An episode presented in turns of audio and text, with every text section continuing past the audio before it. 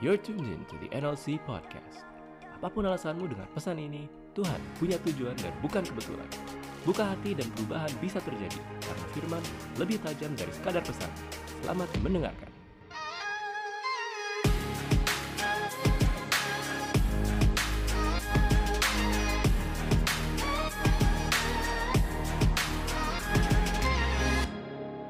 Kita bahas hari ini uh, masih mengenai Who is Jesus di di bulan ini.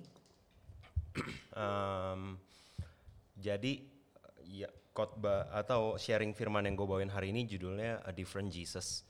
Em, waktu kita dengar Yesus yang sudah dihumaniskan eh, atau kita dengar Yesus dari oke lah kalau kita dengar ke gereja-gereja kita dengar Yesus banyak yang kita dengar belakangan itu bahwa Yesus itu Yesus yang you know penuh kasih, Yesus yang dirinya adalah kasih, Yesus yang menerima orang apa adanya, Yesus yang uh, mati buat dosa-dosa kita, Yesus yang uh, mati meskipun kita masih berdosa, Yesus yang penuh belas kasihan, Yesus yang very very generous, um, waktunya dia berikan buat orang lain, pelayanannya diberikan buat orang lain, yang hidupnya selfless dan dia berikan semuanya untuk orang lain dia mati buat kita membenarkan kita kayak everything um, pointed out towards Tuhan itu baik baik dari kacamata kita ya. Tuhan itu baik banget sih sama kita gitu kan. Lebih banyak nuntut peliharaan kita gitu daripada Yesus.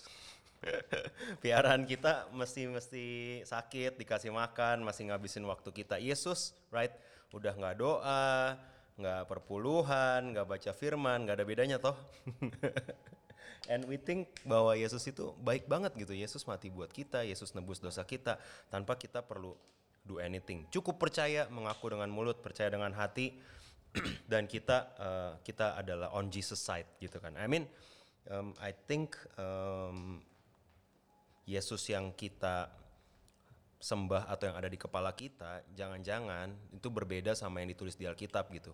Karena kalau yang ditulis di Alkitab, uh, kita kita sangat berbeda sama apa yang kita lihat gitu. Kalau kita dengar Yesus, ingatnya gambar Yesus lagi ngapain? Lagi gendong domba gitu kan. Oh, dia cari yang satu kalau kamu terhilang, dia meninggalkan 99 yang lain di NLC dan nyari kamu. We like that that kind of message. We like to play that kind of image in our head. Uh, uh, bahwa Yesus itu Yesus yang uh, meek, yang lemah lembut, yang mengasihi, yang nyari kita panjang sabar. Is that wrong? No, it's not wrong. Our God is love, Tuhan kita adalah kasih. Cuma bahayanya I think yang kita sering lupa selain kasih dia juga sovereign, berdaulat dan powerful, penuh kuasa dan banyak otoritasnya, penuh otoritas. Nah, itu yang dan kalau kita go through Matius itu Yesus itu bukan orang yang cuma lemah lembut, generous, baik hati dan belas kasihan saja. Come on, kalau lu pikir deh, kalau misalkan Yesus itu adalah orang yang lemah lembut, nyembuhin orang sakit, suruh orang bayar pajak, right? Terus dia ngapain lagi? Dia bangkitin orang mati, right? Nyembuhin orang uh, perwira Roma. Do you think any peop, any person akan disalib cuma karena itu? Come on. Mana ada sih orang disalib karena dia kebanyakan nyembuhin orang, kebanyakan solve problem, kebanyakan generous, kebanyakan bikin mujizat, nggak mungkin. Kalau Yesus cuma itu, nggak mungkin dia disalib. Tapi ada satu tatanan yang diputar balikan Yesus selama dia di bumi yang bikin dia, yang bikin para religious leader ini gerah, gitu kan. Nah ini yang yang uh, gue rasa lumayan jarang kita point out dan di bulan Who is Jesus ini it's it's good kalau kita punya picture yang benar Yesus itu siapa sih? We have the full picture of Jesus bukan cuma Yesus yang uh, you know yang uh, sesuai sama apa yang kita pengen aja so to say gitu. Nah uh, ada tiga hal yang mau gue point out dari Matius dari kalau kita baca seluruh Matius ada tiga poin besar yang I'd like to point out karena kita seringan lupa nih. Kalau kita udah ngomongin Yesus ada beberapa hal yang kita suka suka lupa. Yang pertama Yesus address ketidaktaatan dan menghukum orang. Dia memberikan penghukuman bukan cuma kasih karunia, bukan cuma grace. Come on, kita lebih kayak lebih suka atau lebih sering dengar, oh uh, God's grace is enough for us. It, it is, it is enough. Ketika ada orang berdosa, oh sedih ya uh, karena kita uh, apa uh, orang ini eh, apa namanya em, jatuh, kemudian kita punya belas kasihan, Yesus pasti mengasihi dia. That's true, that's true. Tuhan pasti Yesus bakal bakal bakal berikan waktu untuk bertobat, Yesus akan berikan orang-orang yang menegur, itu pasti, itu pasti. Tapi satu hal yang kita lupa, berkali-kali di Matius, di Alkitab, di Gospel, Yesus itu mengadres disobedience, mengadres ketidaktaatan. Jadi kalau Merrick nih tidak taat sama Tuhan, itu bukannya Tuhan tutup mata loh. I mean, itu yang Matius tulis.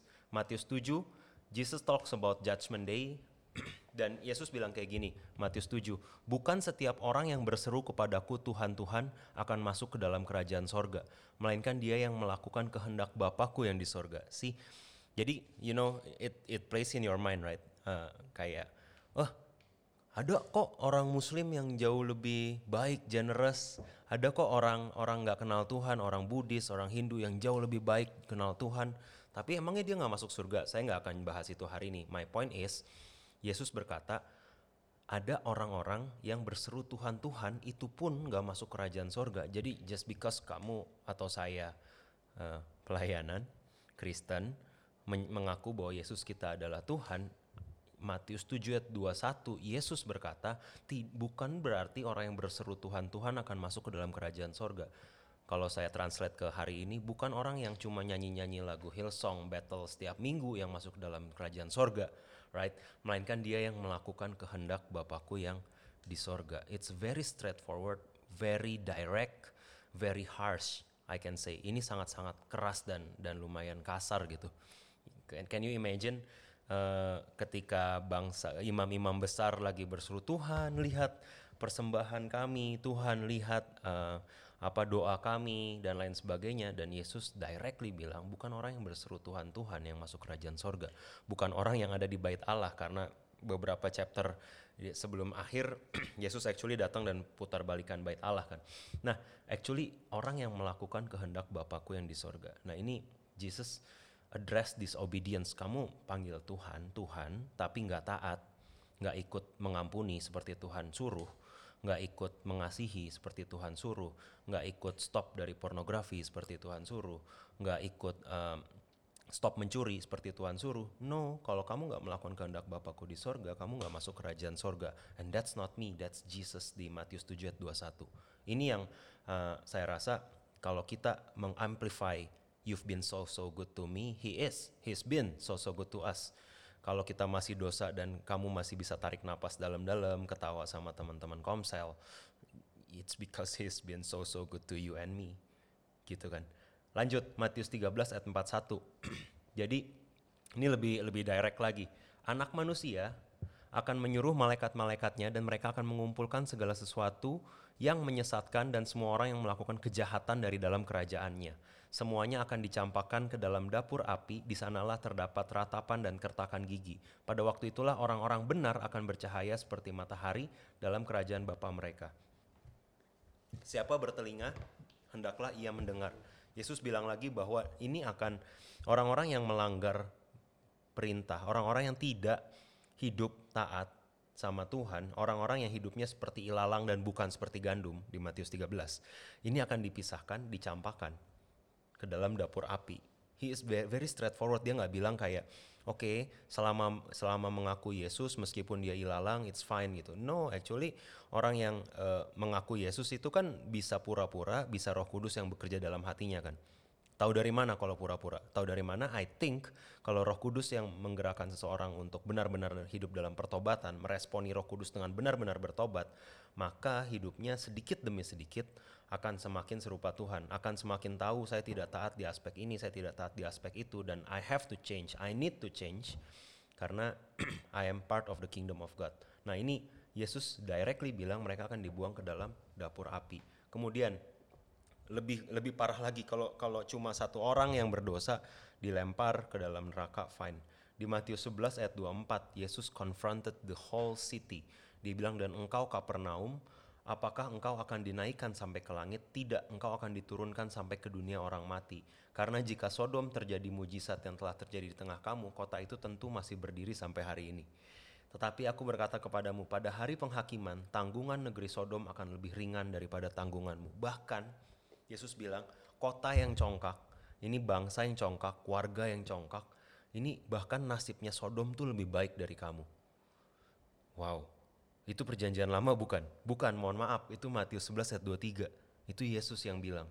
So, so uh, I do think, I do feel myself ya, kita agak-agak underestimate uh, ketidaktaatan kita sama Tuhan uh, underestimate hukuman-hukuman uh, kemurka Tuhan yang memang ada buat yang Yesus bilang buat orang-orang yang bertelinga tapi tidak mendengar gitu. Orang-orang yang tahu tapi tidak melakukan. It's lebih baik dia nggak lahir gitu. Kalau di Matius uh, I think Matius 20 20 25. So implikasinya apa? Yesus tidak tiptoeing atau Yesus tidak apa namanya tiptoeing ya. Yesus tidak hmm, cari cari kanan kiri Yesus directly bilang kalau disobey ada akan ada punishmentnya dan itu Yesus yang bilang mereka yang melakukan kehendak Bapakku yang taat melakukan kehendak Bapakku itu yang masuk ke dalam kerajaan sorga implikasinya apa ketika kalau kita tahu bahwa setiap disobedience kita itu ada konsekuensinya dan ada punishmentnya kalau kalau kita mengetahui apa yang baik kalau kita mengaku dengan mulut percaya dengan hati kita uh, kemudian ikut Tuhan tapi dalam tindakan-tindakan kita ada yang tidak hidup dalam pertobatan, kita mulai nganggap beberapa dosa fine lah.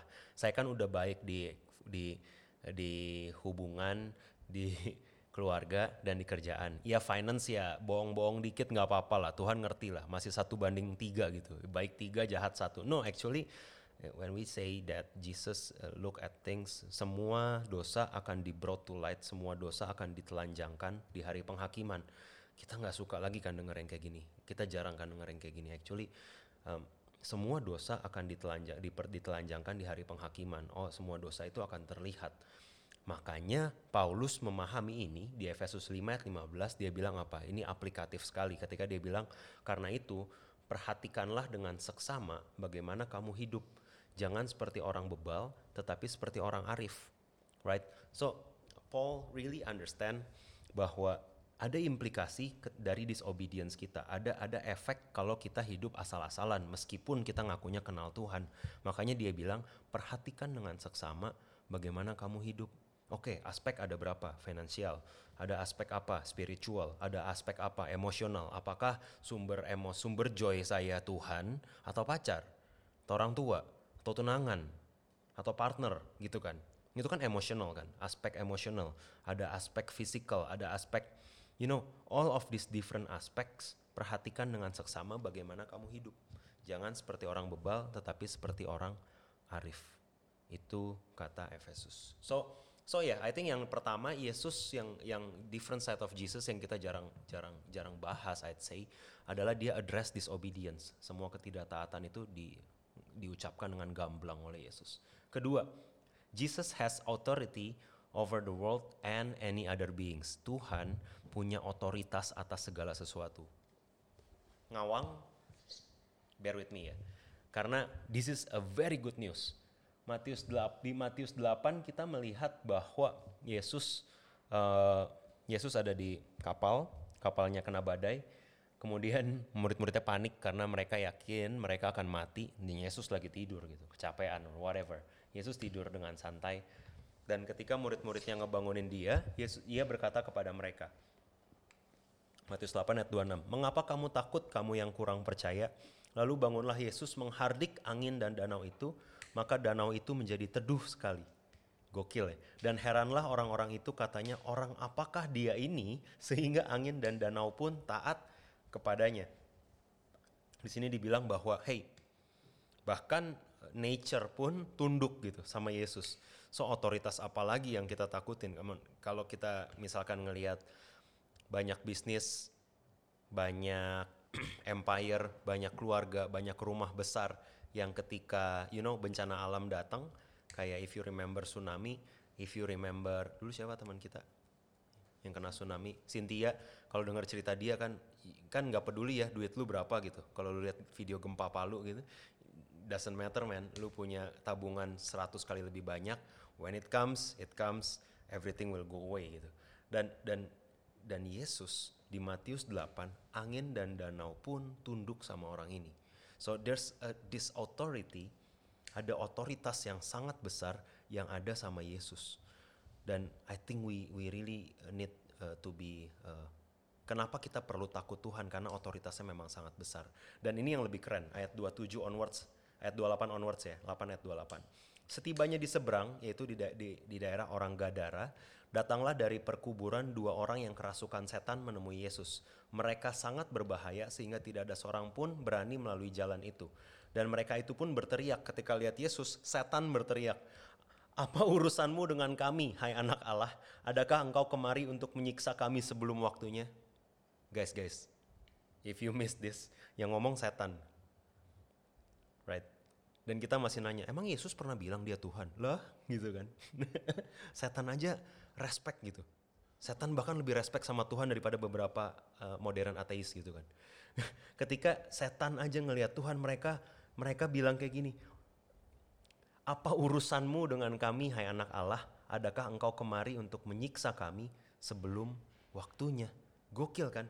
ketika kalau kalau kita lihat di sini otoritas yang Tuhan punya bahkan any spiritual beings termasuk demons included itu itu tunduk dan takut loh gila ya tunduk dan takut sama sama Yesus gitu so this name this authority above all names above all authority is real dia ada di atas semua roh kamu uh, ada yang kerasukan, ada yang diserang oleh roh jahat, ada yang terikat dengan roh pornografi, terikat dengan roh media, terikat dengan roh kekuasaan. Guess what? All of these spiritual beings tunduk sama Yesus loh. Mereka bilang, apakah engkau kemari untuk menyiksa kami sebelum waktunya? So, Yesus is the name above all names. Right? Nah, ini yang menarik ayat 30 sampai 3, 3, 33 saya bacain dulu karena lumayan seru dan saya nggak pernah nangkep kayak gini sebelumnya sih. Matius 8, let me check. Matius 8 ayat 30 sampai 33. Gue bacain lanjutannya dulu ya. Tidak jauh dari mereka itu sejumlah besar babi sedang mencari makan. Maka setan-setan itu meminta kepadanya, jika engkau mengusir kami, suruhlah kami pindah ke dalam kawanan babi itu. Yesus berkata kepada mereka, go, just go. Gitu. That's it. Kamu kalau baca 28 sampai 34, Yesus cool banget ya setan ngomong ini itu ini itu ini itu ini itu setan nyari nyari nyari nyari problem solving sendiri kalau gitu kami pindahin ke babi deh. Yesus nggak ngomong apa-apa loh. Yesus cuma bilang just oke okay, fine just go. Lalu mereka keluarlah mereka dan masuk ke dalam babi-babi itu. Terjunlah seluruh uh, kawanan babi itu dari tepi jurang dan mati di dalam air. Maka larilah penjaga babi itu dan setibanya di kota diceritakannya lah segala sesuatu juga tentang orang-orang yang kerasukan setan itu. Ayat 34 this verse always I always skip this verse. Ayat 34, maka keluarlah seluruh kota mendapatkan Yesus. Dan setelah mereka berjumpa dengan dia, mereka ngapain? Can anybody guess tanpa baca? Ada dua orang nih, sangat berbahaya, kerasukan setan, gangguin orang mulu gitu kan. Gak bisa, gak lepas-lepas gitu. Datang Yesus cuma ngomong, oke, okay, if that's what you want, fine, go. Masuk ke babi, mati babinya, orang-orang ini keluar nyamperin Yesus. Do you know what they what these guys say to Jesus? Mereka pun mendesak supaya ia meninggalkan daerah mereka. Wow. Why? Why? Ada orang yang sangat berkuasa, anak Allah dan diakui sama setan aja mengakui dia anak Allah, tapi apa yang orang-orang kota ini minta? Just go. Just go away from our life. Hidup kami sudah udahlah udah cukup lah nggak perlu ada yang spiritual spiritual halo nggak perlu lah ada yang rohani rohani nggak perlu ada yang mujizat mujizat we are satisfied as it is. Pergi dah pergi pergi. Just go. These people this city this town kayak mereka sangat takut sama orang yang bisa mengobrak ngabrik fondasi hidup mereka. Mereka bilang no. Oke okay, lu hebat just go. Ngeri ya kalau misalkan dicek jangan-jangan hidup saya, hidup kamu juga kayak gitu gitu. We know Jesus is powerful, that's why kita nggak mau banyak berurusan sama Yesus. Masa hidup saya diobrak-abrik? Udahlah, saya bisa cari uang sendiri, saya bisa nikah dengan pilihan saya sendiri, saya bisa cari tempat kerja sendiri, saya bisa ngurusin uang saya sendiri. I'm, I'm good enough Jesus, thanks. Ada yang lain yang lebih perlu engkau. Wow, karena setiap kota, setiap orang, setiap pemungut cukai, setiap pelacur yang ketemu Yesus, hidupnya berubah. And these people in this city, nggak siap hidupnya berubah. Makanya mereka bilang, just go. Kacau ya. Maksudnya Jesus has this authority of, above all this world and all the beings. Semua spiritual beings, semua hal. Yesus punya otoritas di atas mereka loh. Um, Matius 9 ayat 6 sampai 8 maka orang banyak melihat hal itu takut mem memuliakan Allah habis itu Yesus nyembuhin orang lagi yang telah memberikan kuasa sedemikian kepada manusia jadi it's it's di, di, di Matius ini kita melihat Yesus banyak banget dikasih otoritas. Matius 10 ayat 28. Lanjut. Ini Yesus very direct again. Do not fear. Jangan kamu takut kepada mereka yang dapat membunuh tubuh, tetapi yang tidak berkuasa membunuh jiwa. Takutlah terutama kepada dia yang berkuasa membinasakan baik jiwa maupun tubuh di dalam neraka. Ada yang lebih sarkas atau ada yang lebih harsh dari itu nggak? Yesus bilang kamu jangan takut sama orang yang bisa ngebunuh kamu karena aku bisa bunuh badan kamu, terus jiwa kamu sekalian dimasukin ke neraka. Gak apa-apa nih, katanya kabar baik, right? That's what we want. But Jesus said di Matius 10 ayat 28, takutlah terutama kepada dia yang ber, berkuasa membinasakan baik jiwa maupun tubuh di dalam neraka. Orang-orang itu, orang-orang di hari itu takut sama mereka lagi dijajah. Mereka takut. Hidup mereka penuh ketakutan karena mereka bisa kapan pun dibunuh. You know, just mention the name Herodes dan lain-lain. Any anytime anyone yang bersekutu dengan Roma atau Roma sendiri, they want to end their lives, they can. Gitu kan. Makanya dan Yesus berkata jangan takut kepada mereka yang membunuh tubuh.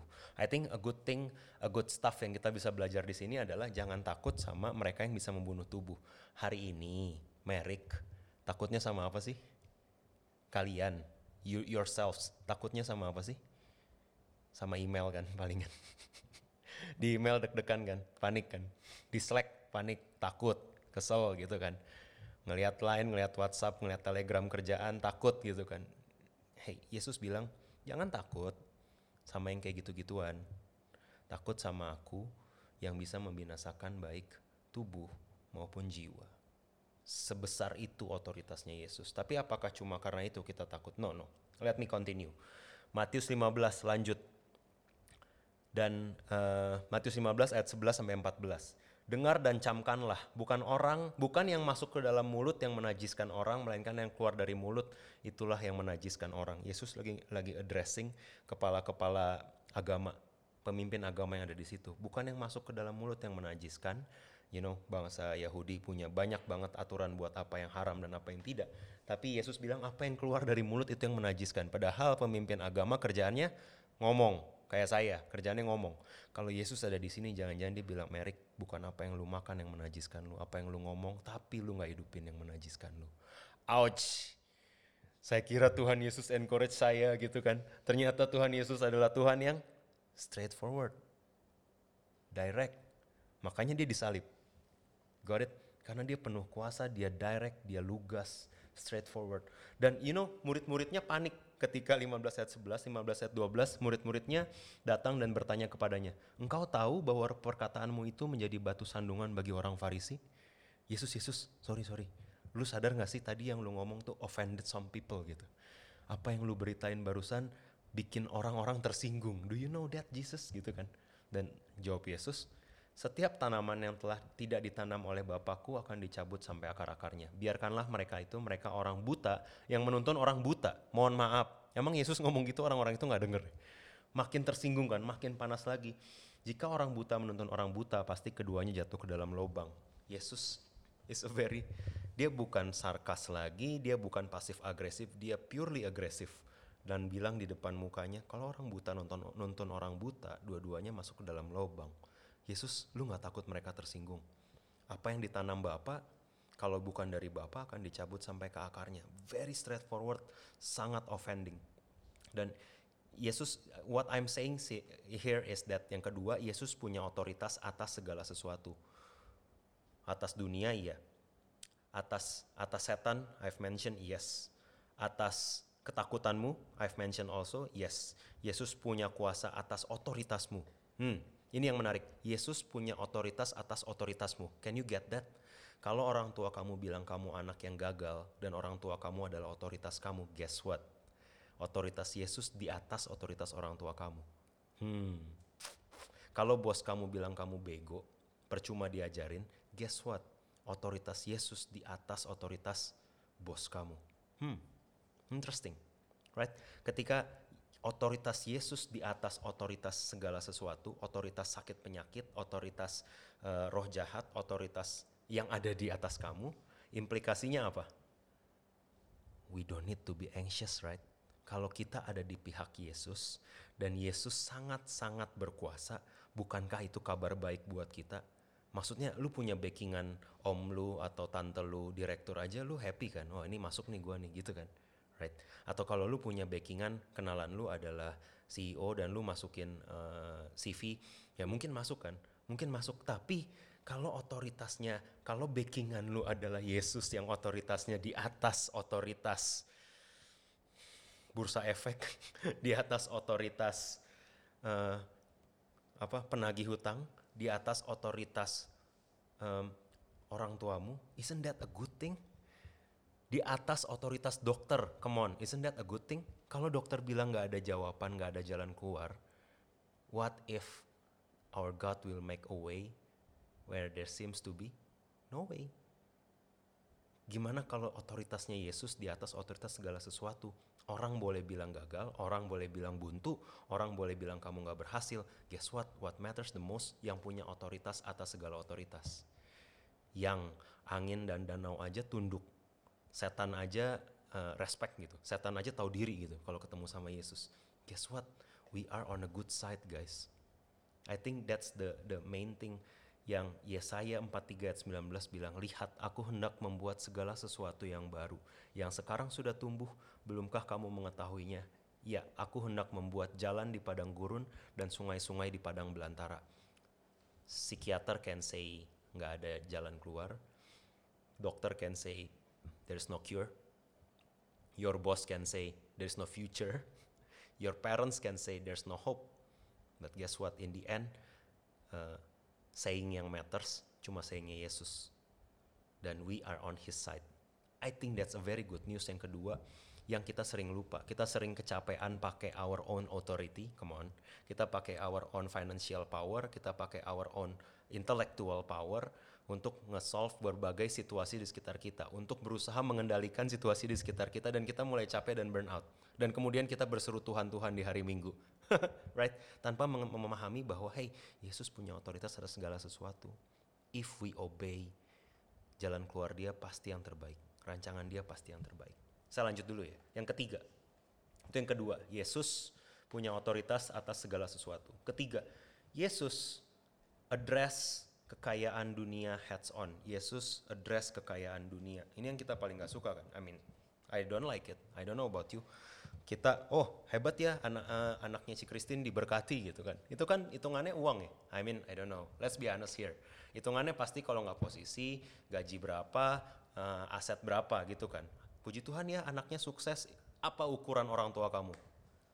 Kalau bukan punya rumah punya apartemen punya mobil punya usaha punya posisi punya gaji mostly itu kan if we are being honest mostly itu I I do think Yesus address Cara pandang ini heads on ketika di Matius 6 ayat 24 bilang, Tak seorang pun dapat mengabdi kepada dua tuan, karena jika demikian ia akan membenci yang seorang dan mengasihi yang lain. Atau ia akan setia kepada seorang dan tidak mengindahkan yang lain. Sorry, kamu tidak dapat mengabdi kepada Allah dan kepada Mamon. Cuma satu hal, satu satu God, G kecil, yang Tuhan sebut dan acknowledge di di pelayanan dia. As far as I remember Beelzebul one time. But this one one God G kecil spiritual being yang Tuhan sebut directly adalah Mamon. Kamu tidak dapat mengabdi kepada Allah dan kepada Mamon. Apakah artinya Allah dan Mamon itu setara? Mohon maaf guys. You're missing the point kalau kamu berpikir Tuhan dan uang itu setara. No, it's not. It's still not. Tuhan itu Elohim, God above all gods. Tapi yang bikin jadi setara itu kecenderungan hati manusia. You know, dari semua Allah-Allah yang ada, Allah yang paling menarik, yang paling sukses itu Mamon untuk merebut hati manusia. I think makanya Yesus bilang address head on, heads on di awal-awal pelayanannya dia langsung bilang bahwa kamu nggak bisa mengabdi kepada Allah dan kepada mamon. Oke. Matius 19 ketika ada orang orang muda yang kaya dan takut Tuhan. Apa perintah apa lagi yang harus kulakukan supaya masuk kerajaan sorga? Oh, turuti ini, ini, ini, kasih sesamamu. Hmm, udah, semua udah. Apalagi Tuhan? Kata orang muda kaya yang super sombong itu. I don't know. Kalau kalau itu orang muda kaya di Matius 19 ada di NLC hari ini, mungkin dia jadi leader gitu. Karena, you know, kaya, takut Tuhan, right? Ke gereja, cari Tuhan. Mungkin dia jadi leader gitu, kayak saya gitu. Tapi Yesus berkata sama dia, No, the, the problem in your heart adalah the problem of money. Can you sell all your riches and follow me? Yesus nggak lagi address semua orang, Yesus lagi address orang ini dan dia Yesus tahu orang ini hatinya terikat di apa. Makanya Yesus bilang, "Can you sell all your riches? Jual semua kekayaanmu dan ikut aku." Orang orang muda itu pergi dengan sedih.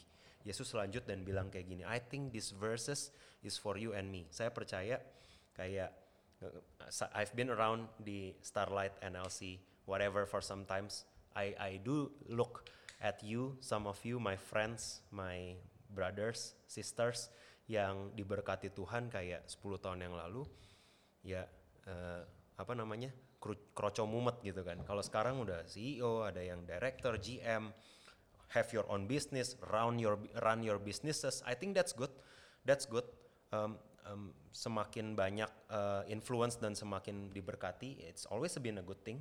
Tapi ingat, Matius 19 ayat 23, I think for you and me as well. Yesus berkata kepada murid-muridnya, aku berkata kepadamu, sesungguhnya sukar sekali bagi seorang kaya untuk masuk ke dalam kerajaan sorga. Sekali lagi aku berkata kepadamu, lebih mudah seekor unta masuk ke dalam lubang jarum daripada seorang kaya masuk dalam kerajaan Allah. Dan kalau kamu berpikir kamu bukan orang kaya, think again kalau kamu punya rumah bisa naik Grab atau Gojek atau punya mobil atau punya motor, kamu punya rumah, punya mobil, eduka punya kesempatan edukasi, lagi kerja atau lagi bisnis, mohon maaf itu masuk kategori kaya. You have to look at kategori miskin. Dan itu sangat berbeda sama apa yang kita I mean at least orang-orang yang ada di sini. Saya miskin tapi lagi Google Meet sambil you know isi pulsa 15 giga that's actually a privilege dan dan menurut saya ayat ini kena buat setiap kita. Aku berkata kepadamu lebih mudah seekor unta masuk ke lubang jarum daripada orang kaya masuk dalam kerajaan Allah. Kenapa orang-orang yang uh, pemungut cukai dan nelayan mudah untuk ikut Yesus? Because they have not many things to lose. Karena mereka cuma lepas jalannya ikut Yesus, tapi orang kaya ikut Yesus.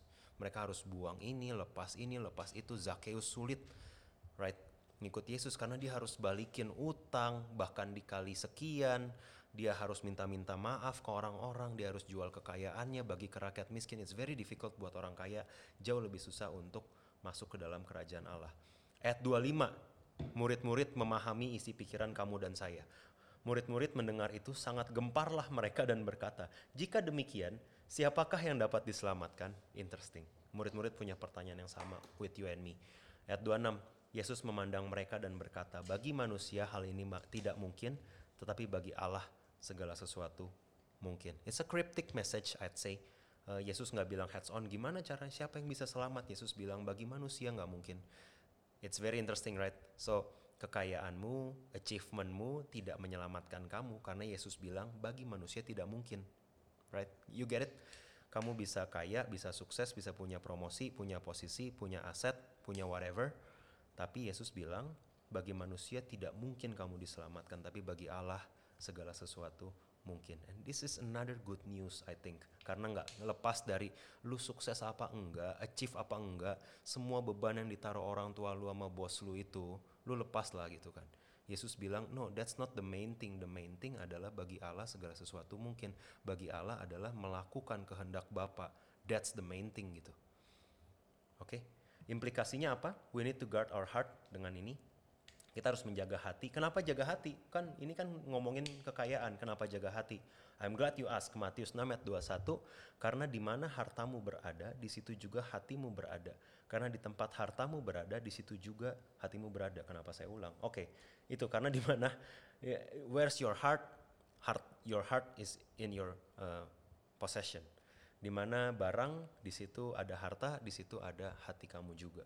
Jadi we need to guard our, guard our heart. Jadi menjaga hati bukan cuma bicara soal uh, hati it's not uh, heart or jantung hati di bahasa uh, hati in Hebrews and hati in Greeks itu way more than that mewakili pikiran dan segala sesuatu dan di sini dibilang di mana uangmu berada di situ pikiranmu berada how how how how many stories that you've heard ketika orang-orang mulai panik.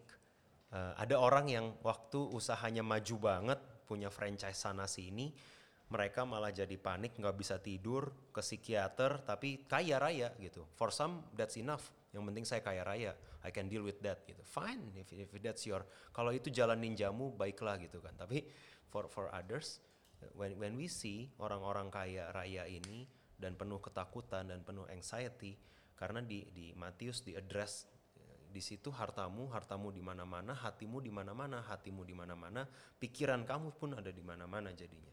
So that's a very interesting take yang Yesus sampaikan heads on mengenai kekayaan dunia. I think tiga hal ini yang jarang kita hmm, bahas waktu kita ngomongin Yesus. Bukan cuma sebagai Tuhan yang meninggalkan the 99 and looking for you, yang tersesat, tapi juga bilang ke yang tersesat, kamu hamba yang malas, Orang-orang dikasih talenta, dikembangin. Kamu dikasih talenta, dikubur buat diri kamu sendiri. Dicampakkan lagi hamba itu, gitu kan? There's a lot of punishment yang Yesus sampaikan, tapi saya rasa lumayan jarang kita kita bicarakan. So I think this is the different side of Jesus, the true side of Jesus yang ada di uh, Matius. So I'm gonna close with this. Um, ada satu quote uh, dari seorang pembicara. I think this is a very good uh, quote. Um, dan quote saya bilang kayak gini. Kita hidup di ciptaannya, uh, kita hidup di universe-nya Tuhan. Benar kan? Tuhan yang menciptakan this universe. Kita hidup di universe-nya Tuhan. Dan dia melakukan segala sesuatu sesuai rancangan Tuhan. Got it? This is ini kita ada di universe-nya Tuhan dan segala sesuatu yang Tuhan izinkan itu semua sesuai rancangannya Tuhan. Right? Rancangan kita mungkin lebih bagus, tapi sayangnya kita nggak punya universe. You know, you get it? Kayak oke, okay, segala sesuatu di dunia ini akan berjalan sesuai rancangan penciptanya. Kalau kamu berpikir rancangan kamu lebih pinter dari rancangan Tuhan, sok bikin dunia kamu sendiri gitu. I think that's a very strong quote. Kalau kita nggak nggak bisa bikin apa-apa boro-boro bikin universe gitu kan. Bikin nasi aja kadang-kadang sampai jadi bubur or whatever. Kalau kita nggak punya banyak kemampuan untuk bikin apa-apa can we trust orang yang menciptakan dunia ini dan isinya? Punya rancangan yang lebih baik dan lebih besar dan lebih mulia dari rancangan kamu dan saya. Punya rancangan di 2020 gagal. Punya rancangan uh, punya target punya goal di by 2020 by umur 29 umur 28 umur 3 35 umur 18 whatever umur 14 umur 17 I'm gonna have I will have this this this this this dan tidak terjadi gitu. For whatever reason orang tua berantem pacar ninggalin uh, di cut dari kantor for whatever reason tidak terjadi dan kita berpikir no itu panggilan saya kenapa Tuhan berani-beraninya menutup pintu untuk panggilan saya interesting karena ketika di Alkitab ditulis rancangan tuh kerancanganmu bukan rancanganku jalanmu bukan jalan-jalanku rancangan Tuhan di atas rancangan-rancangan kita dan ini universe-nya Tuhan the best bet that we can have is to trust and have faith bahwa Tuhan merancangkan cuma yang baik kalaupun yang kita lihat nggak baik yang Tuhan rancang itu baik kok gitu. meskipun kita nggak bisa lihat karena ini bukan universe kita oke okay? Thank you.